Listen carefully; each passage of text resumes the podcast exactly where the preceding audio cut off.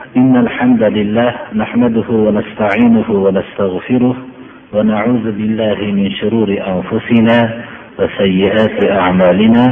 من يهده الله فلا مضل له ومن يضلل فلا هادي له.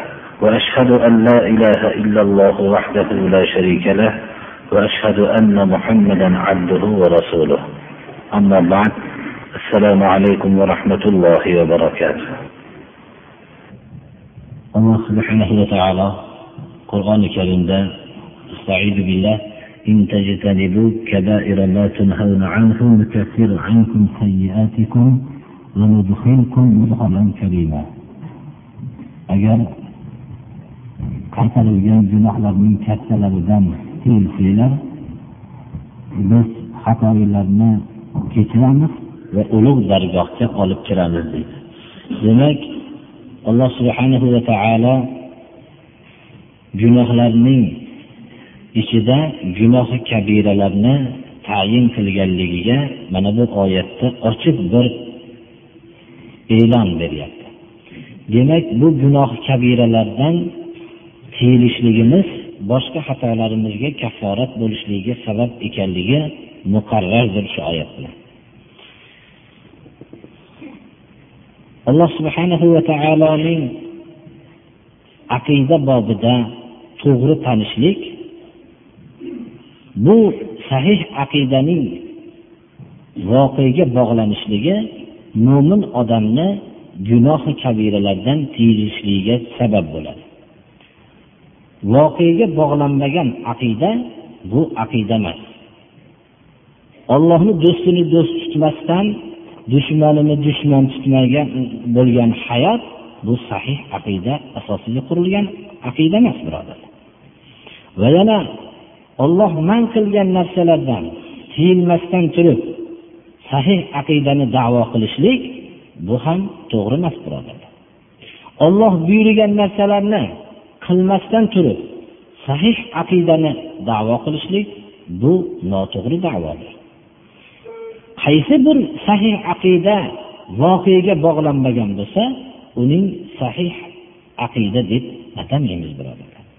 Shuning uchun ham gunoh kabiralar haqida so'z yuritilayotganda biz o'zimizdagi alloh subhanahu va taologa bo'lgan sahih aqidamizni voqega bog'layotganligimizni tushunmoqligimiz kerak.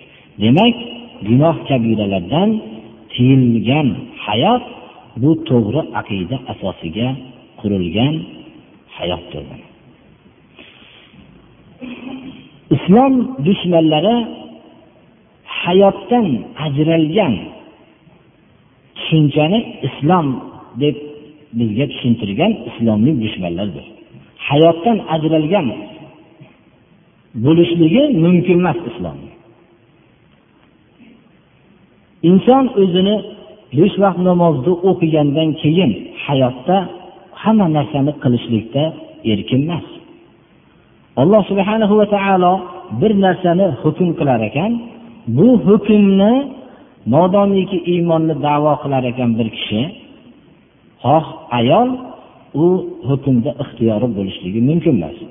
استعيذ بالله وما كان لمؤمن ولا مؤمنة إذا قضى الله ورسوله أمرا أن يكون لهم الخيرة من أمرهم ومن يعص الله ورسوله فقد ضل ضلالا مبينا mo'min kishi va mo'mina ayol uchun olloh rasuli bir hukmni qilgan bo'lsa unda ixtiyori bo'lishligi mumkin emas ya'ni xohlasa qiladi xohlasa qilmaydigan bo'lishligi mumkin emas modomiki u mo'min kishi va mo'mina ayol bo'ladigan bo'lsa kim olloh rasuliga osiy bo'ladigan bo'lsa ochiqdan ochiq adashibdi. Shuning uchun biz sahih aqida olloh rasuli tarafidan kelgan hukmni bu hukm qilishlikka bo'lgan buyruq bo'lsin xoh qilishlikdan qaytarilgan hukm bo'lsin ya'ni ma'ruf narsalarga buyurilgan munkar narsalardan qaytarilgan hukmni qabul qilishlikka ya'ni buyurilgan narsalarni qilishlik bilan va qaytarilgan narsalardan tiyilishlik bilan qabul qilishlikka majburmiz. Ixtiyorli emasmiz. Modomiki iymonni davo qilar ekanmiz. Mana bu tushunchaning yo'qligi bizning zamoni saodatdagi islomdan uzoqlashtirdi. Biz nomi ismi bo'lgan islomda qoldik. Mana bu tushunchani tushunib bunga amal qilishlik sahobalarning sifatlari bo'ldi ularga yaxshilik bilan ergashganlarning sifati bo'ldi va shu bilan alloh subhana va taolo ularga nusrat berdi dunyo va oxiratda saodatli bo'lishdilar. Mana shu tushunchadan biz mahrum bo'lishlik bilan dunyo va dunyoda baxtsiz bo'ldik va islomning ismigina faqat bizda qoldi. Chunki islom faqat mehrobda bo'lib mehrobdan ya'ni kishi o'zining namozdagi holatidan keyin o'zi xohlagan narsani qiladigan o'zini musulmon deb atagan kishi vujudga keldi. Mana bu tushuncha bizni islomdan uzoqlashtirdi. Biz gunoh kabiralarni dars qilar ekanmiz. Shu dars qilayotgan vaqtimizda yaxshi tushunmoqligimiz kerakki bu bizning gunoh kabiralardan tiyilishligimiz sahih aqida asosiga qurilgan hayotni vujudga kelayotganligiga belgi bo'lmoqligi kerak. Gunoh kabiralarning o'ttiz birinchisi allohu alam alloh subhanahu va taoloning hukmidan boshqa hukm bilan hukm qilguvchi hukmdir. Ya'ni masalan bir kishiga alloh subhanahu va taolo islomda qazo hukm qilishlik martabasini bergan bo'lsa shu martabadan suiiste'mol qilib foydalansa ya'ni ollohning hukmini xoh ikki kishi o'rtasida xoh jamiyatda bo'lsin shu ollohni hukmini qilmasa bu gunoh kabiralardan. Agar bu narsa balki kufrdan bo'ladi. Billah لم يحكم بما أنزل الله فأولئك هم الكافرون ومن لم يحكم بما أنزل الله فأولئك هم الظالمون ومن لم يحكم بما أنزل الله فأولئك هم الفاسقون mana bu sifatlarni xohlaganni tanlab olsin olloh o'zining hukmi bilan hukm qilmaganlarni kofir ham deb atayapti zolim ham deb atayapti fosiq ham deb atayapti xohlaganini tanlab olaveradi rasululloh sollallohu alayhi vasallam bu shaxsiy holatlarda gunoh kabiraligini tushunishligimiz osonroq bo'ladi. Rasululloh sollallohu alayhi vasallam marhamat qildilarki sunan abu dovud va imom termiziyning hadis to'plamlarida ibn mojjada keltirilgan hadis sharif. Payg'ambarimiz sollallohu alayhi vasallam aytdilarki al fil janna va qobiyani bihi fa huwa fil janna. وقاض عرف الحق فجارت متعمدا فهو في النار وقاض قضى بغير علم فهو في النار قالوا فما ذنب الذي يجهل قال ذنبه ألا يكون قاضيا حتى يعلم qozilar ya'ni hukm qiluvchi odamlar o'rtasida hukm qiluvchi qozilar uch turli bo'ladi bir toifasi jannatda dedilar ikki toifasi jahannamda dedilar birinchi jannatda bo'lgan qozilar toifasi haqni bilib shu haq bilan hukm qilgan. Haqni bilgan ya'ni islomda shu masalaning hukmi nima? Buni bilgan va shu bilgan hukm bilan hukm qilgan bu jannatda. Ikkinchi ikkita toifasi jahannamda bo'lgani haqni bilgan va zulm qilgan u haq bilan hukm qilmagan qasddan shunday qilgan. Bu jahannamda. Yana bir toifaiki jahannamda bo'lgan qozi bilimsizlik bilan hukm qilgan. Bu ham jahannamda. Savol qilishdilarki bilmaganda gunohi nima deb? Shunda aytdilarki gunohi shuki bilimsizlik bilan qozilik mansabiga ishqiboz bo'lgan. Sunan abu dovudda va imom termiziyning hadis to'plamlarida keltirilgan abu hurayra roziyallohu anhudan rivoyat qilingan hadis sharifda. Avvalgi hadis burayda roziyallohu anhudan rivoyat qilingan. Abu hurayradan rivoyat qilgan roziyallohu anhu bu kishidan rivoyat qilingan hadis sharifda payg'ambarimiz sollallohu alayhi vasallam aytdilarki kim qozi qilingan bo'lsa pichoqsiz so'yilibdi dedilar. Ya'ni islomning hukmi bilan hukm qilmaslik bilan juda katta bir xatoga ketadi. Shuning uchun ham ko'p katta kishilar bu mansabdan bosh tortishgan agarchi bilib bunga ko'p taqvolik bo'lishgan bo'lsalar ham. Abu hanifa rahimaulloh bu kishi qozilik mansabidan bosh tortgan kishilardan bo'ladi. O'zlari fiqda shunchalik mohir bo'lsalar ham qazo mansabidan bosh tortganlar. Va shu sabab bilan jon taslim qilganlar. rasululloh sollallohu alayhi vasallamdan oysha roziyallohu anhu rivoyat qiladilar ahmad ibn hambal ibn hibbon o'zlarining hadis to'plamlarida keltirganlar payg'ambarimiz sollallohu alayhi vasallamdan eshitdim deydilar oysha roziyallohu anhu aytganliklarini فيلقى من شدة الحساب ما يود أنه لم يقض بين اثنين في تمرة adolatli qozini qiyomat kuni olib kelinadi Hisobning qattiqligidan shunday soatga duchor bo'ladiki bir xurmo haqida ikkita odamni o'rtasida hukm qilmasam bo'lar ekan deb orzu qiladi. Alloh subhanahu va taoloning bu yo'llanmasi islom dunyosida shunday adolatli qozilarning tarbiyalanishiga sabab bo'ldiki islomdagi mashhur qozilardan bittalari shurayh roziyallohu anhudir shurayh roziyallohu anhu o'zlarining adolatlari bilan juda islom dunyosida mashhurdir. Ammo mana bu tarbiyaning yo'qolishligi islom hukmining xalqlar o'rtasida yo'qolishligi shunday hukmlarni vujudga keltirdiki bunda insonlar emas balki boshqa mavjudotlar ham hijolat bo'ladigan hukmlarni mana vujudga keltirdi.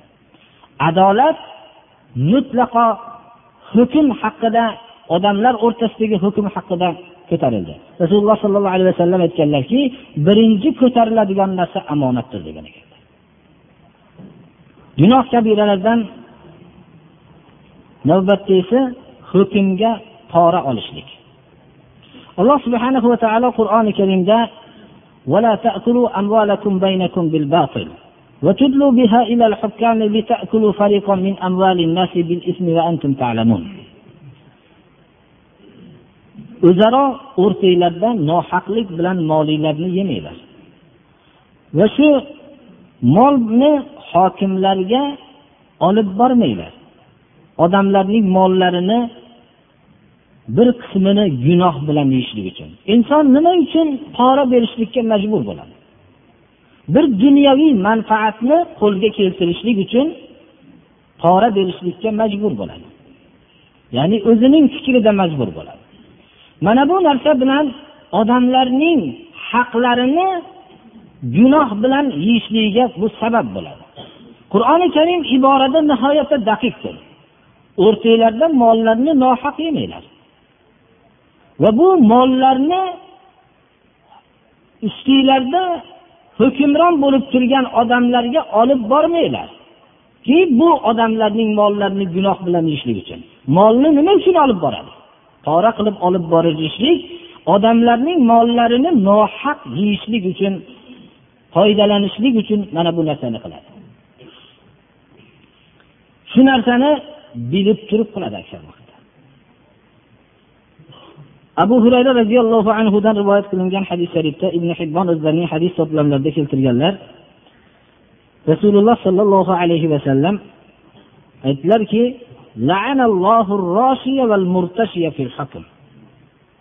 nohaq hukmni haqida pora beruvchi va oluvchini olloh la'nat qilsin dedilar. Olloh la'nati bo'lsin degan bir necha toifalarning bittasi pora beruvchi va oluvchidir. Hadis sharifda aytilingan arroshi bu pora beruvchi. Val murtashi hadisdagi al murtashi kalimasi qorani oluvchi. Inson o'ziga yetayotgan zulmni himoya qilishlik uchun bergan narsani pora deb aytilmaydi. Misol qilib aytganimizda o'ziga bir zulm bo'lyapti. Shu zulmdan o'zini himoya qilishlik uchun moli bilan qutulishligini buni pora bermaydi biror bir musulmonni ozori bo'lishligiga sabab bo'luvchi va haqqi bo'lmagan narsaniga erishishlik uchun xoh u martaba bo'lsin xoh biror bir mol bo'lsin xoh boshqa narsa bo'lsin bir shu nohaq o'zining haqqi bo'lmagan narsani qo'lga keltirishlik uchun berilgan narsani yoinki bir musulmonga ozor bo'lishligi uchun ozoriga sabab bo'ladigan narsa uchun berilgan narsani pora deymiz. Alloh subhana va taoloning la'nati bo'lsin degan pora beruvchi va pora oluvchi mana bulardir gunoh kabiralarning o'ttiz uchinchisi alloh subhana va taolo inson jamiyatini er va ayoldan tashkil qildi. Erni o'ziga xos xususiyat bilan yaratdi. Jismoniy tarkibda ham axloqda ham tabiatda ham va uning ko'rinish zohiriy va botiniy ko'rinishlarda o'ziga xos xususiyatlar bilan yaratdi. Ayol kishini ham uning jismoniy va ruhiy tabiatida o'ziga xos tabiat bilan yaratdi. Ayol kishining er kishiga o'zini o'xshatishligi va er kishining ayol kishiga o'zini o'xshatishligi bu gunoh kabiralardandir rasululloh sollallohu alayhi vasallam hadis shariflarda imom buxoriy rivoyat qilgan hadislarda abu dovud va imom termiziy nasoiy ibn mojja rivoyat qilgan hadis shariflarda payg'ambarimiz sollallohu alayhi vasallam aytdilarki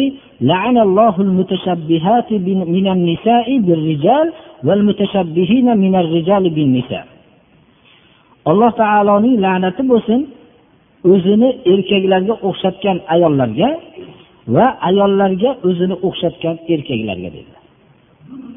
Rasululloh sollallohu alayhi vasallam la'nat kalimasini aytgan toifalarning bittasi shulardir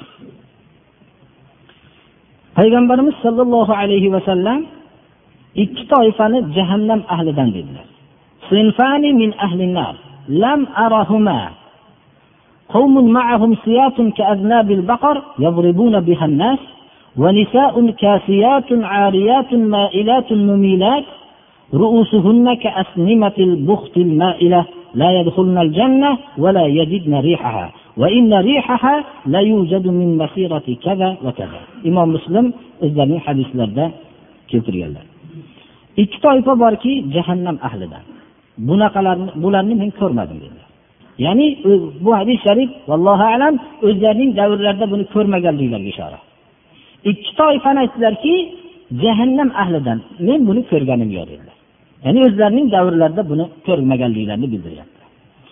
Birinchi toifa bir toifa odamlarki qo'llarida qamchi bor xuddi molni dumiga o'xshagan u bilan odamlarni urishadi. Ikkinchi toifa ayollar. Bularni bir tarafdan olsangiz kiyim kiygan desangiz ham bo'ladi. Ikkinchi tarafdan kiyimi yo'q desangiz ham bo'ladi. Ya'ni butun fitna joylarini ko'rsatib turganligi bilan kiyim kiymagan desangiz ham bo'ladi. Lekin g'aliz avratlarini bekitganligi bilan kiyim kiygan desangiz ham bo'ladi. O'zi nihoyatda faqat o'zining turmush o'rtog'iga faqat xos holatdagina qiladigan axloqlarni boshqalarga qiladi va boshqalarni oilalarni buzish buzishga sabab bo'ladigan qiliqlar bilan o'zini shunday ko'rsatadi. Boshlari xuddi o'rkachli tuyalarni o'rkatiga o'xshaydi boshi jannatga bular kirmaydi. Jannatning hidini ham topmaydi. Jannatning hidi shuncha shuncha masofadan topilib ya'ni bilinib turadi deb uzoq masofaga ishora qildilar. Mana bu narsa ayol kishilarning er kishiga o'zini o'xshatganligiga bu hadis sharif ishoradir va payg'ambarimiz sollallohu alayhi vasallamning mo'jizotlaridandir. Men ko'rmadim dedilar. O'zlarining davrlarida bu sifatni ko'rmadilar. Va qiyomatgacha bo'lgan davrda shunday toifalar bo'luvchi ikki toifani xabarini berdilar. Va jahannam ahlidan ekanligi muqarrar ekanligi bilan o'zlarining ummatlarini qo'rqitdilar ogohlantirdilar. Gunoh kabiralarning o'ttiz to'rtinchisi arab tilida dayyus deyiladi. Ya'ni o'zining oilasiga g'ayrati yo'q. Oilasining fohisha buzuq hayosiz holatiga e'tibor bermaydi. Ya'ni unda rujulat g'ururi yo'q. Hayo oriyat yo'q. Mana bu ham gunoh kabiralardan alloh subhanahu va taolo o'zi saqlasin bu sifat er kishida topilishligi mumkin bo'lmagan sifatdir. Bu sifatni ayollar ham yoqtirmaydigan sifatdir. Ayol kishi o'zining farzandlarini nihoyatda tarbiyalovchi tadbirkor siyosatlik o'zining turmushi o'rtog'i bo'lishligini orzu qiladi.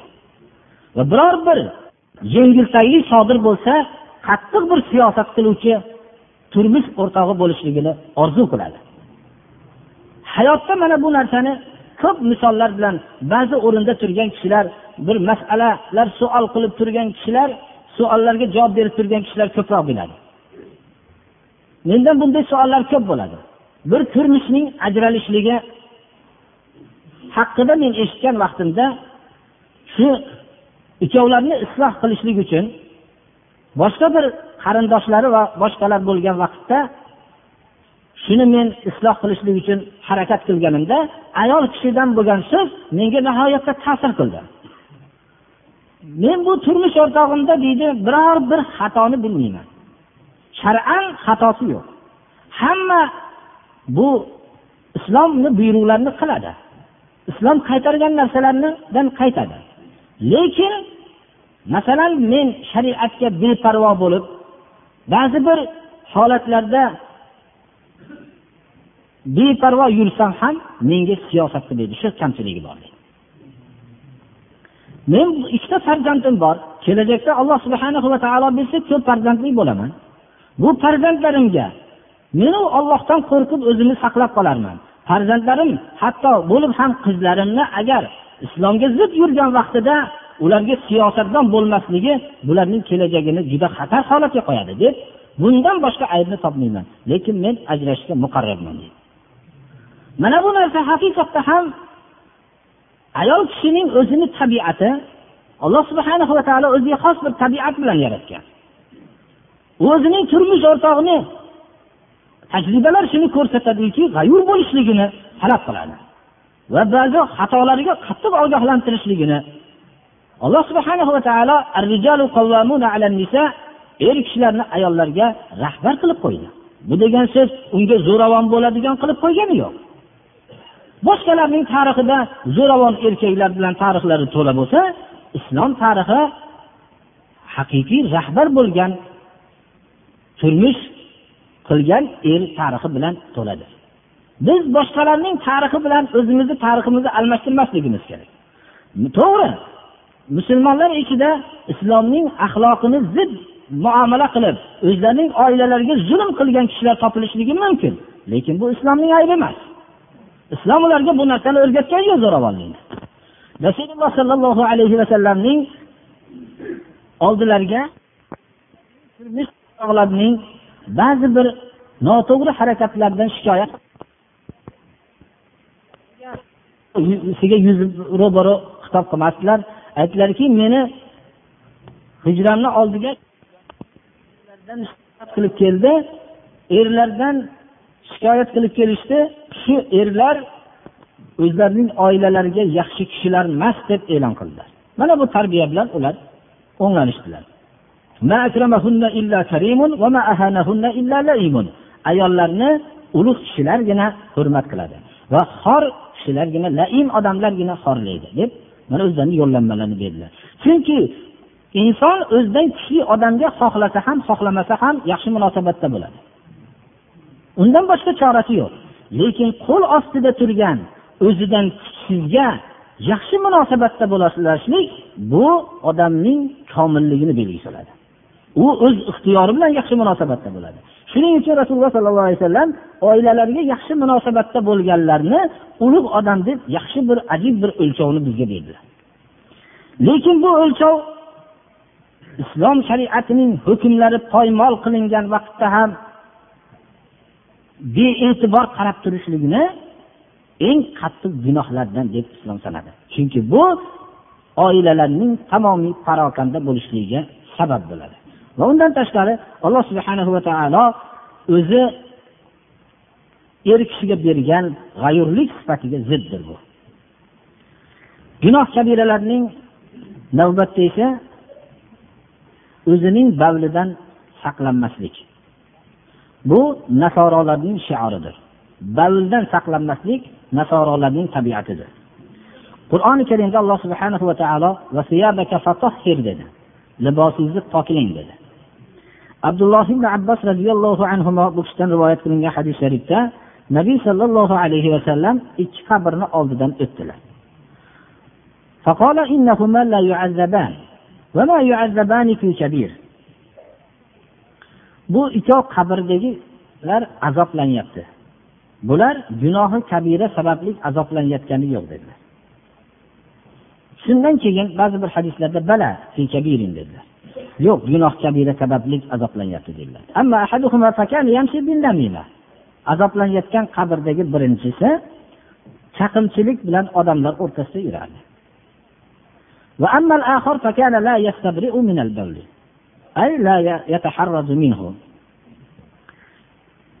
Ikkinchisi bo'lsa davldan pok o'zini pok saqlamasdi dedilar. Bu imom buxoriy va imom muslimning hadis to'plamlarida keltirilgan hadis sharif. Bu hadis sharif bir ajib bir nuqtalikki insonning chaqimchilikdan ehtiyot bo'lmasligini bavildan ehtiyot bo'lmaslik bilan barobar keltirilyapti bavildan libosini ehtiyot qilmagan odam o'xshaydi xuddi og'zini chaqimchilikdan ehtiyot qilmagan odam. Chaqimchilik bilan bavlni barobar manzilatga qo'ydi. Mana bu chaqimchilik qanchalik bir najas narsa ekanligiga ishoradir ikkinchidan bu hadis sharif imom buxoriy va imom muslimning hadislarida keltirilgan. Qabr azobiga dalolat qiluvchi ko'p hadislarning bittasidir bu. Sahih hadislarni bu haqda bilib qo'yishimiz kerakki qur'oni karimda azobi qabr haqida qabrda imtihonlanishligi haqida qur'oni karimda يثبت الله الذين آمنوا بالقول الثابت في الحياة الدنيا وفي الآخرة alloh subhanahu va taolo mo'minlarni qavli sabit ya'ni tafsir rasululloh sollallohu alayhi vasallamning bayonlari bilan kalimai toyiba la ilaha illalloh Dunyo va oxiratda mo'minlarni mustahkamlaydi oxiratda esa ya'ni qabrda ekanligiga payg'ambarimiz sallallohu alayhi vasallam o'zlari tafsir qildilar. Bu hadis bu so'zni tilovat qilganlar azobi ya'ni qabrda imtihon qilinishligi aytilingan hadis sharifdan keyin shu oyatni mana bu dalil deb o'qib qo'yganlar. Payg'ambarimiz sollallohu alayhi vasallam mana rivoyat qilgan hadisda istanzihu minal baul bavldan poklaninglar saqlaninglar. Azobi qabrning omma ya'ni ko'pi shu bavl sababli bo'ladi dedilar. Boshqa millatlar nasorolar g'ayri ajnabiy millatlar bavldan ehtiyot bo'lmaydi. Mana bu xulqni musulmonlarga ham ta'siri bo'lgan shuning uchun bavldan ehtiyot bo'lishlik hamma payg'ambarimiz sollallohu alayhi vasallamning harakatlari shunga qurilgandir hatto u kishi biror bir tahorat qilmoqchi bo'lsalar qo'llarida ichi temirdan bo'lgan bir kaltaklari bor edi. Shu kaltak bilan yerni cho'qilab o'yib turib tahoratlarni sindiradilar. Bu narsa ham shu bavldan ehtiyot bo'lishlikka sahrolarda shu holatda shunchalik ehtiyot bo'ladilar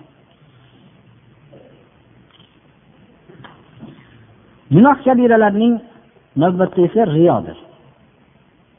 Qur'oni karimda munofiqlikning belgisi riyo deb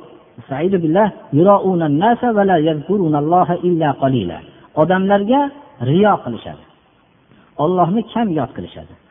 Munofiqlarning sifatida birinchi belgisi namozda turishganda dangkasalik bilan turib riyo amallari bilan shug'ullanishadi. Mana bu munofiqlikni belgisi. Alloh subhanahu va taolo فويل للمصلين الذين هم عن صلاتهم ساهون الذين هم يراءون ويمنعون الماعون namoz o'qigan namoz o'qimaganlarning holiga voy muqarrar lekin namozlardan beparvo bo'lgan namozxonlarning holiga vayl e'lon qilindi uning belgisi qaysi birinchisi riyokorlik deb atadi namozdan beparvo bo'lishlik bu riyokorlik uning alomatidir alloh subhana va taolo riyo bilan bo'lgan sadaqotlarni bekor qilishligini o'zining kalomida yod qildi لا تبطلوا صدقاتكم بالمن والأذى كالذي ينفق ماله رئاء الناس ولا يؤمن بالله واليوم الآخر ey iymon keltirgan kishilar sadaqotinglarni minnatu ozor bilan bekorga chiqarmanglar. Demak minnat va ozor bilan berilgan odamga ozor berishlik bilan sadaqotlar botil bo'lishligini muqarrar.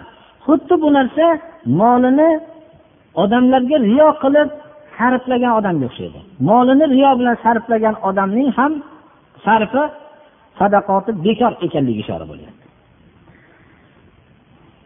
فمن كان يرجو لقاء ربه فليعمل عملا صالحا ولا يشرك بعبادة ربه أحدا kim robbiga ro'baru bo'lishlikni umid qilsa solih amal qilsin va robbining ibodatida biror kishini sharik qilmasin deyapti ya'ni biror odamga qilayotgan amalini riyo qilmasinga tafsir bo'lgan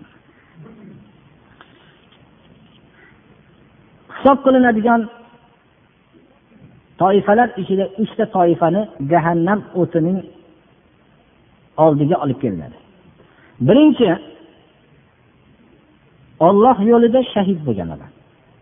Ikkinchisi olloh yo'lida ko'p narsalarni sarf qilgan davlatmand uchinchisi qur'onni yodlagan. Qur'onni olloh yo'lida o'qigan. Mana bu odamni olib kelinadi.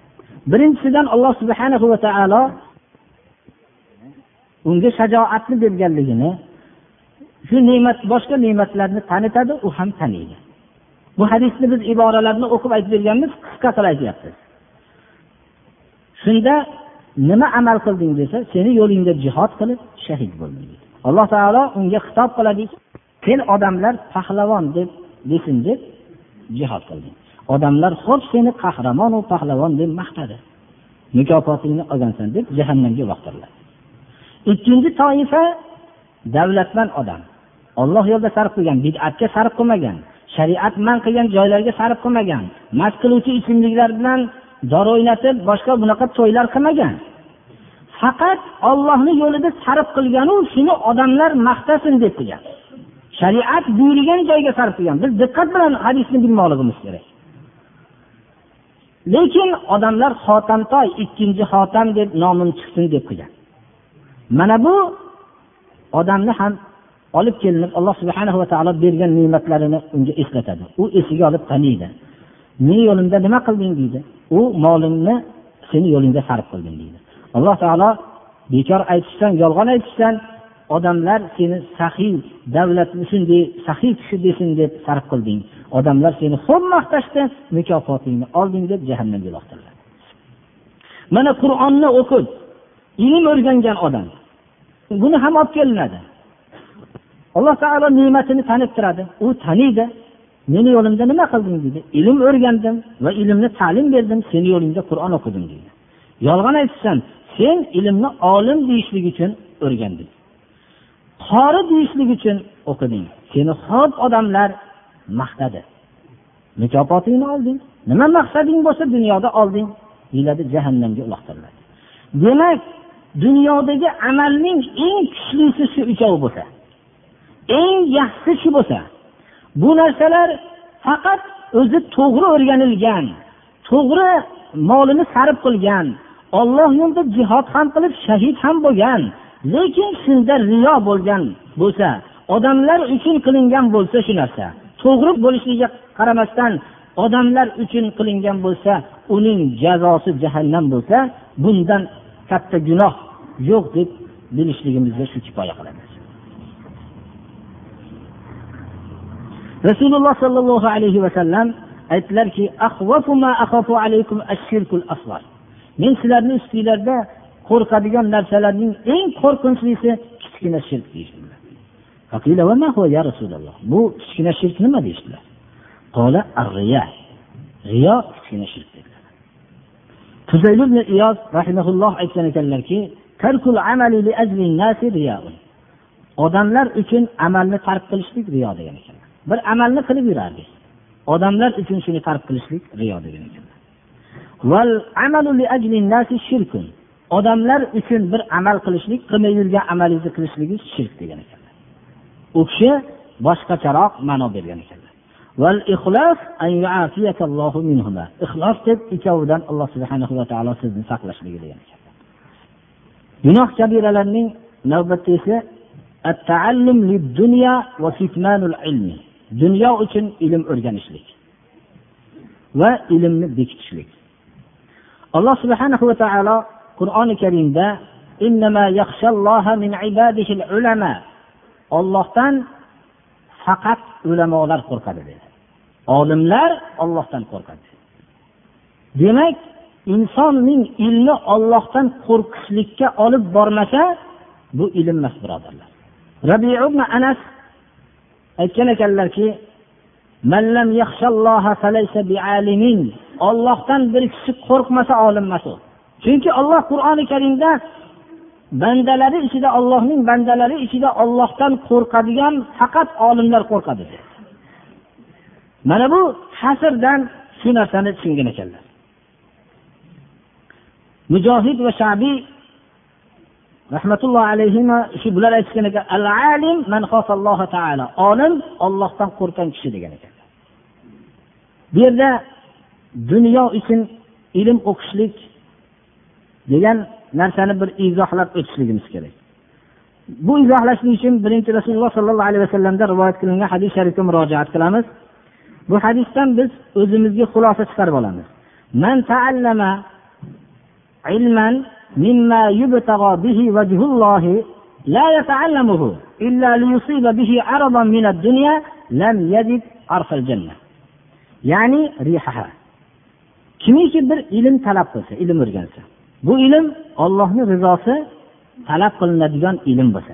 Ya'ni bir kishi biror bir fan ilmini o'rganishligi mumkin kasb qilishlik uchun. Men dunyo topay dunyoyimni ko'paytiray deb dunyoviy ilmlarni bir narsasini o'rgansa juda yaxshi bu. Bu dunyo qo'lga keltiriladigan ilm.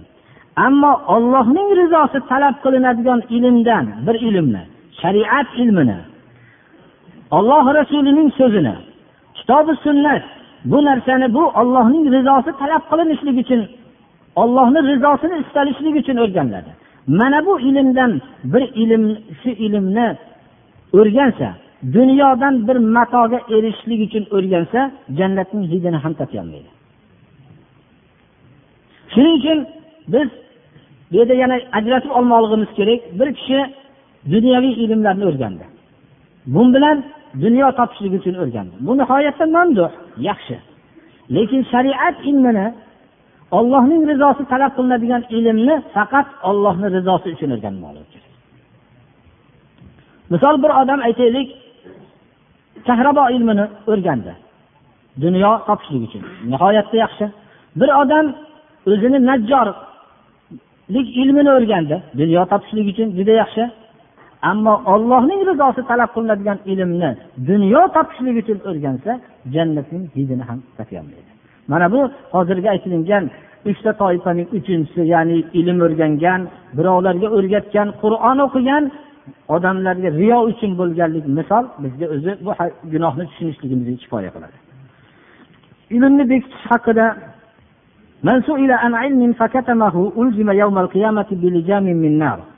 bir kishi bir ilmdan so'ralsa buni bekitsa qiyomat kuni o'tdan bo'lgan jigan bilan jiganlanadi shariat ilmini bir kishi bilsa shundan so'rasa shuni bekitmasdan aytib berishlikka ma'murdir. Ilmni talab qilishlikda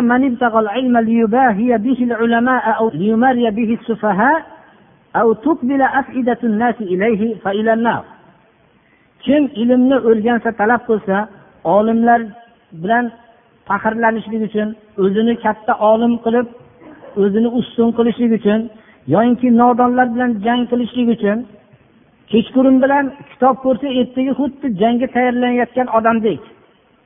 Mana bunday nodonlar bilan janjal qilishlik uchun o'rgangan bo'lsa yo odamlar unga iqbol qilsin deb o'ziga qaratishlik uchun ilm o'rgangan bo'lsa u o'tga deb jahannamga dedilar mana bu narsa ilmni dunyo uchun ya'ni allohni rizosi talab qilinadigan ilmni dunyo uchun o'rganish va ilmni bekitishlikni gunoh kabira ekanligiga dalolat qiladi. Qur'oni karimda alloh subhana va taolo ulamolardan ahd oldiki odamlarga bayon qilasizlar bekitmaysizlar deb ahd oldi. Mana surai oli imronda bu oyatlar bor. Gunoh kabiralarning navbatda esa xiyonatdir. قال الله تعالى يا أيها الذين آمنوا لا تخونوا الله والرسول وتخونوا أماناتكم وأنتم تعلمون alloh subhanahu va taolo iymon keltirgan kishilarga nido qilib ollohu rasuliga xiyonat qilmanglar va o'zinglardagi omonatlarga xiyonat qilmanglar dedi bilib turgan holatda ollohu rasuliga va omonatlarga xiyonat qilmanglar dedi bu oyatni ba'zi mufassirlar sababi nuzulida abu lubobat al ansoriy haqida nozil bo'lganligini ham keltirishadilar. Rasululloh sollallohu alayhi vasallam banu qurayza madinadagi uchta yahudiy qabilaning bittasi banu qurayzaga ularni qamal qilib turganlarida jo'natdilar. Bu abu lubobaning ahli va farzandlari shu banu qurayzani ichida turardi. Abu lubobat al ansoriy roziyallohu anhu banu qurayza yahudiylarni oldiga borganlarida yahudiylar bu kishiga savol qilishdilarki ya aba lubaba ma tara lana in ala hukmi sa'din fina? Payg'ambarimiz sollallohu alayhi vasallam sad ibn uboda roziyallohu anhuni shu kishini hukmiga tushishlikka yahudiylarni roziligini olganlaridan keyin sad ibn ubodani hukmiga tushishlik tushmaslik haqida yahudiylar abu lubobatil ansoriyga maslahat solishdi. Shunda qo'llari bilan ishora qilgan ekanlar tomoqlariga ya'ni hukmga tushsanglar shunday deb qo'ygan ekanlar. Ya'ni tamom sizlar degan ekanlar.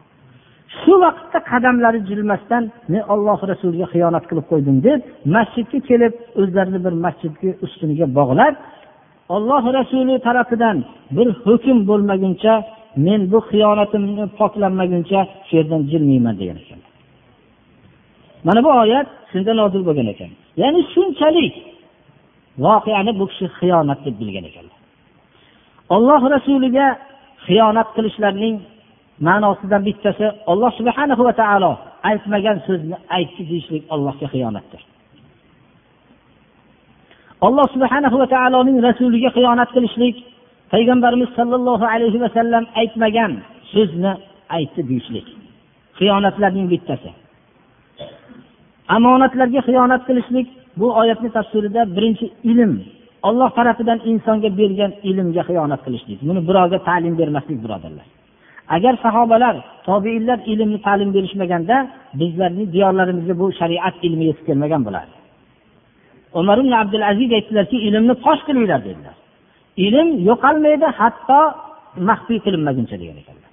Ilm fosh bo'lmasa ilm maxfiy bo'lib yo'qolib ketadi degan ekan xiyonat bu nifoq alomatlaridan belgisidir mana hadis shariflarda munofiqning alomatlari sanalganda bittasi omonatga xiyonat qiladi. Mana bu munofiqlikni belgisi. Payg'ambarimiz sallallohu alayhi vasallam aytdilarki imom buxoriy imom muslim rivoyatlarida ayatul munafiqi iza haddasa kazab va iza va'ada axlaf va iza tumina xona munofiqning belgisi uchta. Hech kim o'zini men munofiqman deb aytmaydi.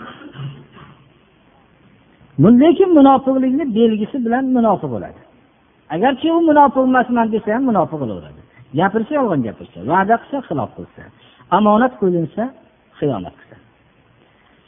Ba'zi hadislarda borki shu uchov sifat topilsa sirf nihoyatda aniq munofiq bo'ladi. Agar bittasi topilsa munofiqcha bo'ladi. Ya'ni munofiq kichkina munofiq bo'ladi.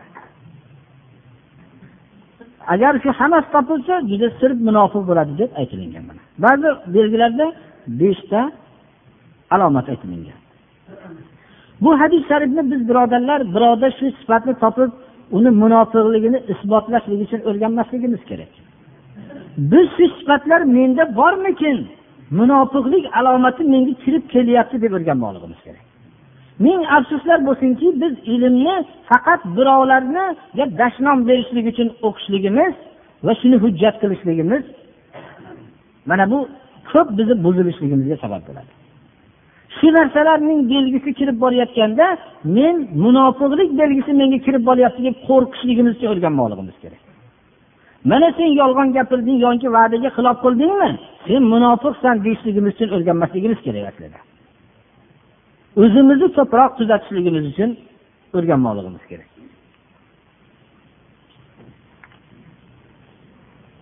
Rasululloh sollallohu alayhi vasallamdan bo'lgan hadis sharifda ahmad ibn hambal o'zlarining musnatlarida keltirganlar mo'min odam hamma narsaga tabiatlanishligi mumkin.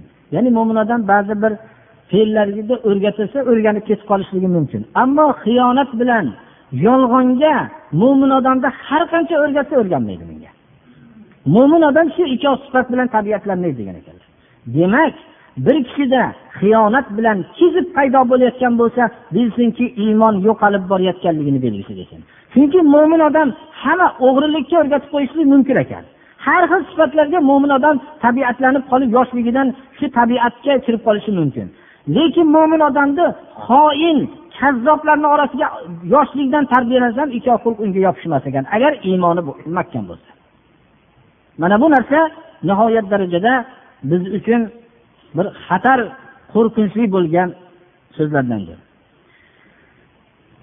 rasululloh sollallohu alayhi vasallamdan mana darsimiz avvalda aytganimizdek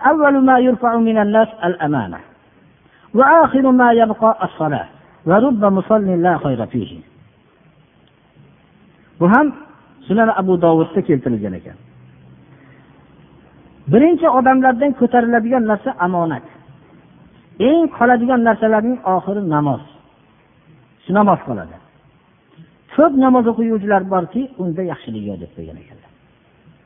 Mana bu narsa bilib qo'yishimiz kerakki namozni barpo qilmasligimiz bizda yaxshilikni vujudga kelmasligiga sabab bo'ladi.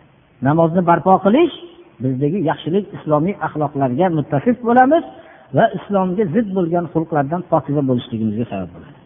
Alloh subhana va taolo gunoh kabiralardan o'zi olloh saqlasin birodarlar mana bu savollardan juda ko'p turli savol bo'ladi. Biz shariatda harom bo'lgan narsalar bilan shulardan saqlanaylik desak ya'ni sarih harom bo'lgan narsalardan biz saqlanib ba'zi munosabatlarimizni o'tkazay desak qarindoshlar unamayapti yo dadamiz unamayapti yo buvimiz unamayapti degan so'zlar yoziladi. Shariatga zid bo'ladigan narsani biz boshqalar unaganda qilsak bizga ajramaydi birodarlar biz buni olloh man qilgan bu narsadan qaytargan deganlik uchun biz qaytamiz bu narsalarni bunda biz aytyapmizki olloh rasuli bir narsani hukm qilgan bo'lsa biz ixtiyorli emasmiz. Majburmiz agar iymonni davo qilsak. Shu javob shu kifoya qilsin hammaga. Masalan misol qilayotganimizda to'ylarimizda boshqa narsa degan gap bo'lyapti. Ko'p kishilar haqida bu yerda so'rashyaptilar. O'tgan ba'zi xalqlar o'rtasida mashhur bo'lgan kishilar. Faqat bularni o'zinigina zikr qilish emas boshqalar ham. Biz kitobi sunnatga har qanday odamni so'zini taqqoslaymiz. To'g'ri bo'lsa qabul qilamiz noto'g'ri bo'lsa qabul qilmaymiz. Misol qilayotganimizda rasululloh sollallohu alayhi vasallam hadisi qudusiyda rivoyat qildilar zamonni so'kmanglar dahr ya'ni dahrni so'kmanglar dahr zamon ma'nosi. Alloh taolo aytyaptiki dahrni so'kmanglar men dahrman deyapti. Tekshirib ko'rsangiz juda ko'p. Shoirlarning she'rlari zamondan shikoyat zamondan so'kish mana shunaqalar bilan to'la. Bu aqidaga ziddir bu narsalar. Biz bularni rad qilamiz qabul qilmaymiz. Shunga o'xshagan ba'zi bir o'tgan kishilarni ular pokiza inson bo'lishliklariga qaramasdan ergashgan odamlar ularni haqlarida bo'xton noto'g'ri aytmagan so'zlarni aytishdi deyishganman misol qilib aytganimizda ko'p katta kishilar abdul qodir jiloniy bular ahli tavhid bo'lgan. Tavhidga chaqirgan odamlarni. Lekin bu abdul qodir jiloniy va hokazo shu kishiga o'xshagan kishilarni bironta kitoblarni ko'rmasdan turib ko'p odamlar bularni haqlarida noto'g'ri fikrlarni bayon qilishadi. Ular ahli tavhid bo'lishganlar ahli tavhidga tavhidga chaqirishganlar. Buni savolga umumiy javob beryapmiz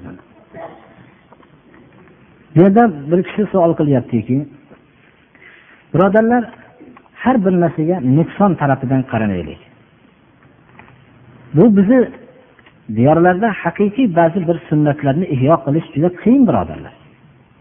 Ko'p kishilar tushunmaydi va tushunishni xohlamaydiganlar ham ko'p.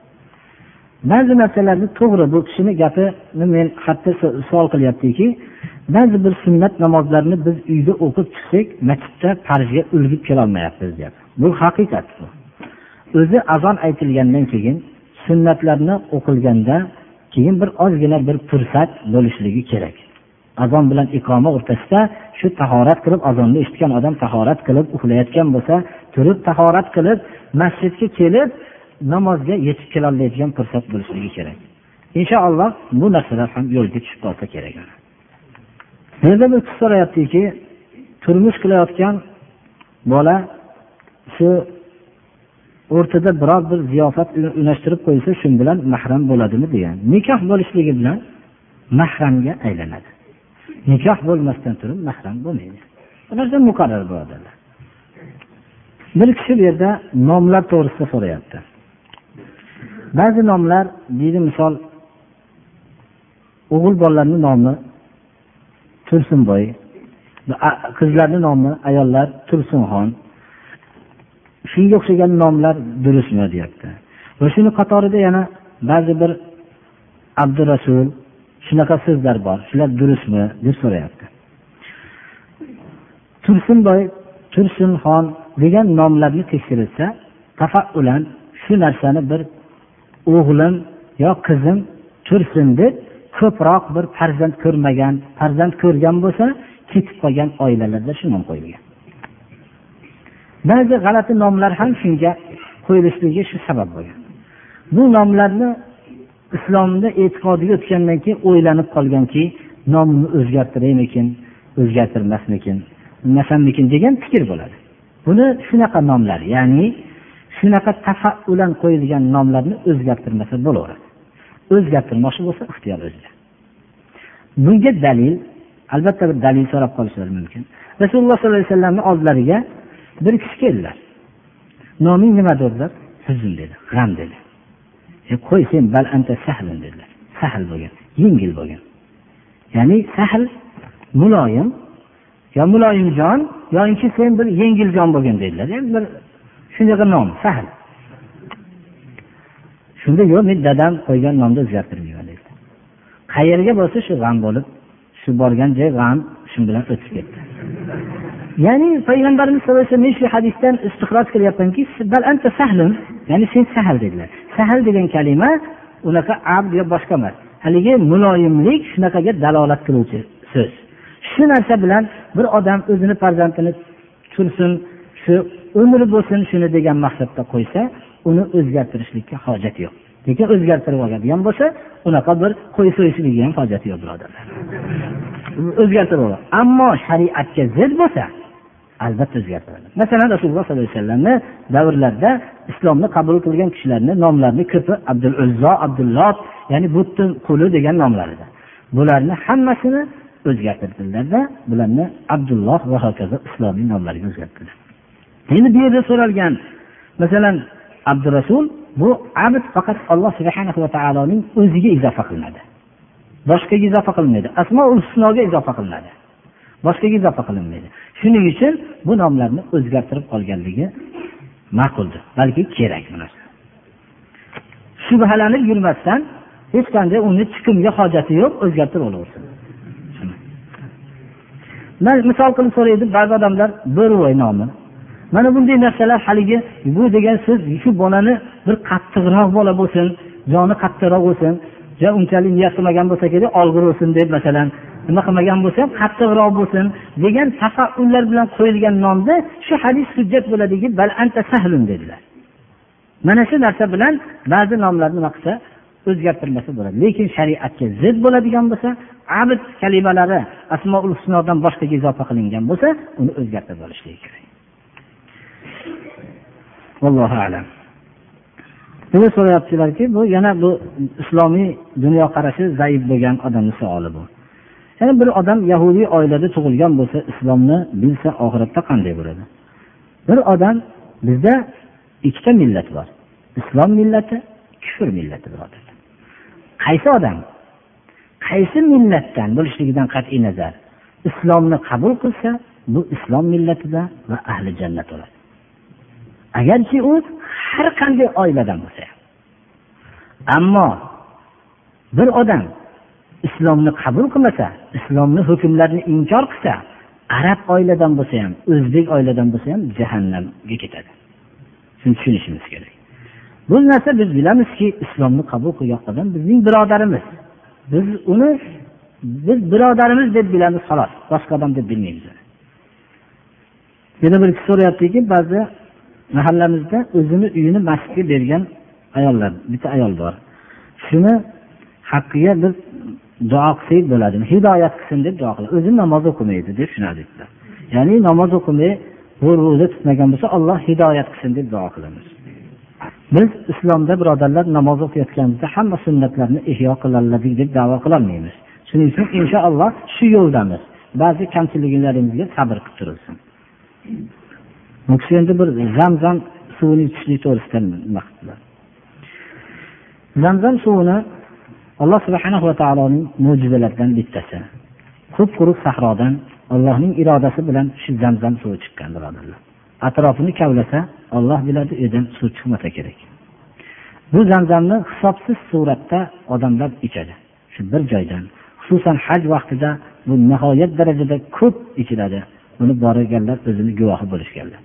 Dunyoda og'zi tegmagan odam ham qolmagan. Hozirgi bu zamzamni suvda tikka turib ichishligi bu haqdagi munozara qiyomatgacha ketaverishligi kerak emas birodarlar.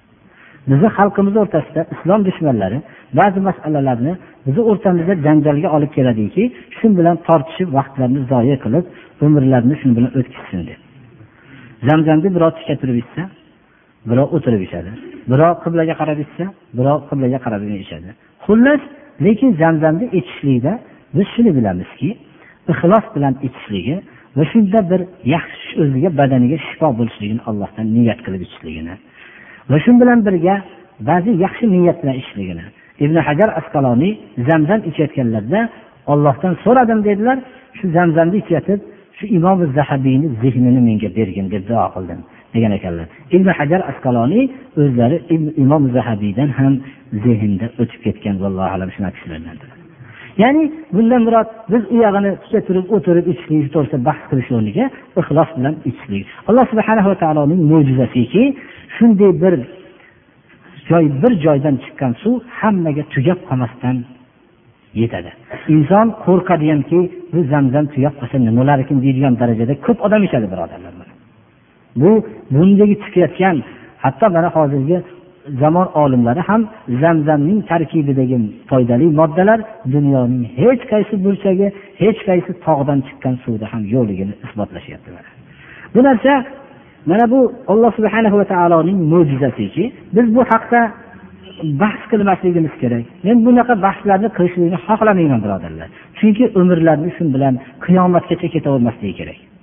Ba'zi masalalar doim shuni savol javobi bilan o'tib ketmasligi kerak. Biz bu bunaqa narsalarni biz zamzamni shuni bilamizki allohning mo'jizasi alloh subhana va taolo o'zini barakotini bergan suv alloh subhana va taoloning shu zamzamni ichayotganda ixlos bilan ichishlikni bilamiz. Payg'ambarimiz sollallohu alayhi vasallam bu yerda mana o'zi tavof qilganlarda tuyalar bilan tavof qilganlar. Shu yerda tavof qilganlarniki zamzamni ichganlar. E, zamzamni masalan u yerda o'tirib ichishlikni iloji bo'lmaydi ham. Chunki odamlar zich bo'ladi hamma tika turib ichadi birodarlar. Shuning uchun ham buni tika turib ichishlik yo boshqa o'tirib ichishlik bu haqda bahs qilmasligimiz kerak. Tika turib ichishlik qulay bo'lsa tika turib ichishligimiz kerak. O'tirib ichishligimiz qulay bo'lsa o'tiraylik biz ixlos bilan ichmoqligimiz kerak. Bunaqa savollar birodarlar bizni darslarimizni eshitib turgan kishilar fikrlari yuqorilashib borib har xil mayda savollarni berishlikdan o'zlarini tiyishlari kerak birodarlar ko'p kishilar xatlarida shikoyat yozadi. Mana masalan er kishilardan ham shikoyat qilmaydi ular o'zlarini zo'ravonligini ayollarga ishlatib qo'yaversa kerak shikoyat qilmasdan. Lekin ayollar tarafidan shikoyatlar yoziladi. Chunki ular kuchlari yetmasdan ojiz bo'lganligi uchun.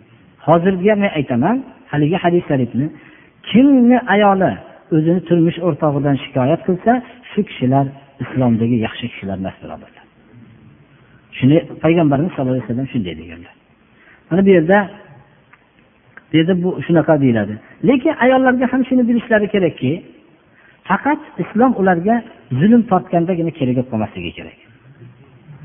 Ko'p kishiga islom mazlum bo'lganda kerak bo'ladi. O'zining xatosiga hech ham qaramaydi. Doim o'zining mazlum bo'lgan vaqtida islom bunday deydiyu deydi. Yolg'on gapirgan vaqtda islomni esiga olmaydi. Va'daga xilof qilganda islomni esiga olmaydi. Ammo birov va'daga xilof qilganda islomdagi bu oyatul munafiq munofiq haqidagi hadisni yodlab oladi xato qilmasdan biz shunaqa bo'lib qolmasligimiz kerak. Biz o'zimiz haqida ham ko'proq o'ylashimiz kerak. Men mana bu yerda ba'zi bir ayollarni xati bu yerda ko'p shikoyat xatlar kelyapti. Shuni bilinglarki ayollari turmush o'rtoqlaridan shikoyat qilgan kishilar yaxshi kishilar emas. Rasululloh sollallohu alayhi vasallamning shahodatlari bilan. Shuning birinchidan to'g'ri tarbiya qilishmaganlar. Shuni ham bilishsinlarki ularni avvaldan ollohning azobidan qo'rqitib islomiy yo'lda tarbiya qilganmilar. Mana bu narsani ham bilishsin. Va shu tarbiyani ayollar ham qabul qilishganmi? Mana bu narsani ham bilishsin ikkala taraf tomonidan insof bo'lishligi bilan o'rtada shikoyat yo'qoladi. Ittifoqlik vaqtida shikoyat bo'lmaydi birodarlar ittifoqlik vaqtida ayollar dars o'qitmasa ham erkaklar unda erkaklardan xato bo'lmaydi. Ittifoqlik vaqtida nafaqalardagi beparvolik ham bilinmaydi. E, buzilgan vaqtida unda qonun kerak bo'lib qoladi ya'ni islom kerak bo'lib qoladi mana bu narsa shuning uchun biz bu tomondan hamma tomondan o'zimizni bu muvozanatga olishlikka harakat qilmoqligimiz kerak. Ba'zilar mana bir ikkita hizr alayhissalom haqida so'zlar so'rashgan. Biz ko'p javob berganmiz bunga. Falonchi hizr alayhissalomda dars olgan deyishadi mana shunaqa deyishadi unaqa deyishadi. Bizni e'tiqodimiz shuki hizr alayhissalom vafot qilganlar. U kishini mana hadislar hujjatlar bor. Agar bu hadislarga unamaydigan kishilar bo'lsa imom rabboniy bu kishi maktubotni sohiblari hizr alayhissalomni vafot qilgan deb e'tiqod qilganlar ya'ni bunga hujjat payg'ambarimiz sallallohu alayhi vasallam hadisda bir kun xufton namozini kechikib qoldilar bir kishi gapga tutib qolganliklari uchun u kishini hayolari shu gapni bo'lolmasdilar shu sababli ko'p kishi uyqusirab charchab qoldi. Keldilarda shunda aytdilarki bashorat berdilar. Yer yuzida sizlardan boshqa hozir namozni kutib turgan odam yo'q dedilar. Chunki islomning E, bir sizlar bashoratki namozni kutib turibsizlar namozda turgandek turibsizlar. Shu yana xabar beramanki shu yuz yilning avvalida dedilar. Shu kundan boshlab yuz yildan o'tgandan keyingi birinchi kunda yer kurrasida tirik bo'lgan mavjudot qolmaydi dedilar. Ya'ni insonlardan birontasi qolmaydi dedilar. Shu hadisni hujjat qilishadilarki ya'ni shunda hech kim shu bugun tug'ilgan bo'lsa ham yuzdan o'tmasligini xabarini dedilar shu yer yuzida tirik bo'lgan odamlardan hizr alayhissalom ham tirik bo'lgan bo'lsalar shu hadis bilan yuz yildan keyin hech kim tiriklardan birontasi qolmaydi. Yangi e, avlod bo'ladi dedilar. Bugundan keyingi tug'ilgan odamlar bo'ladi dedilar.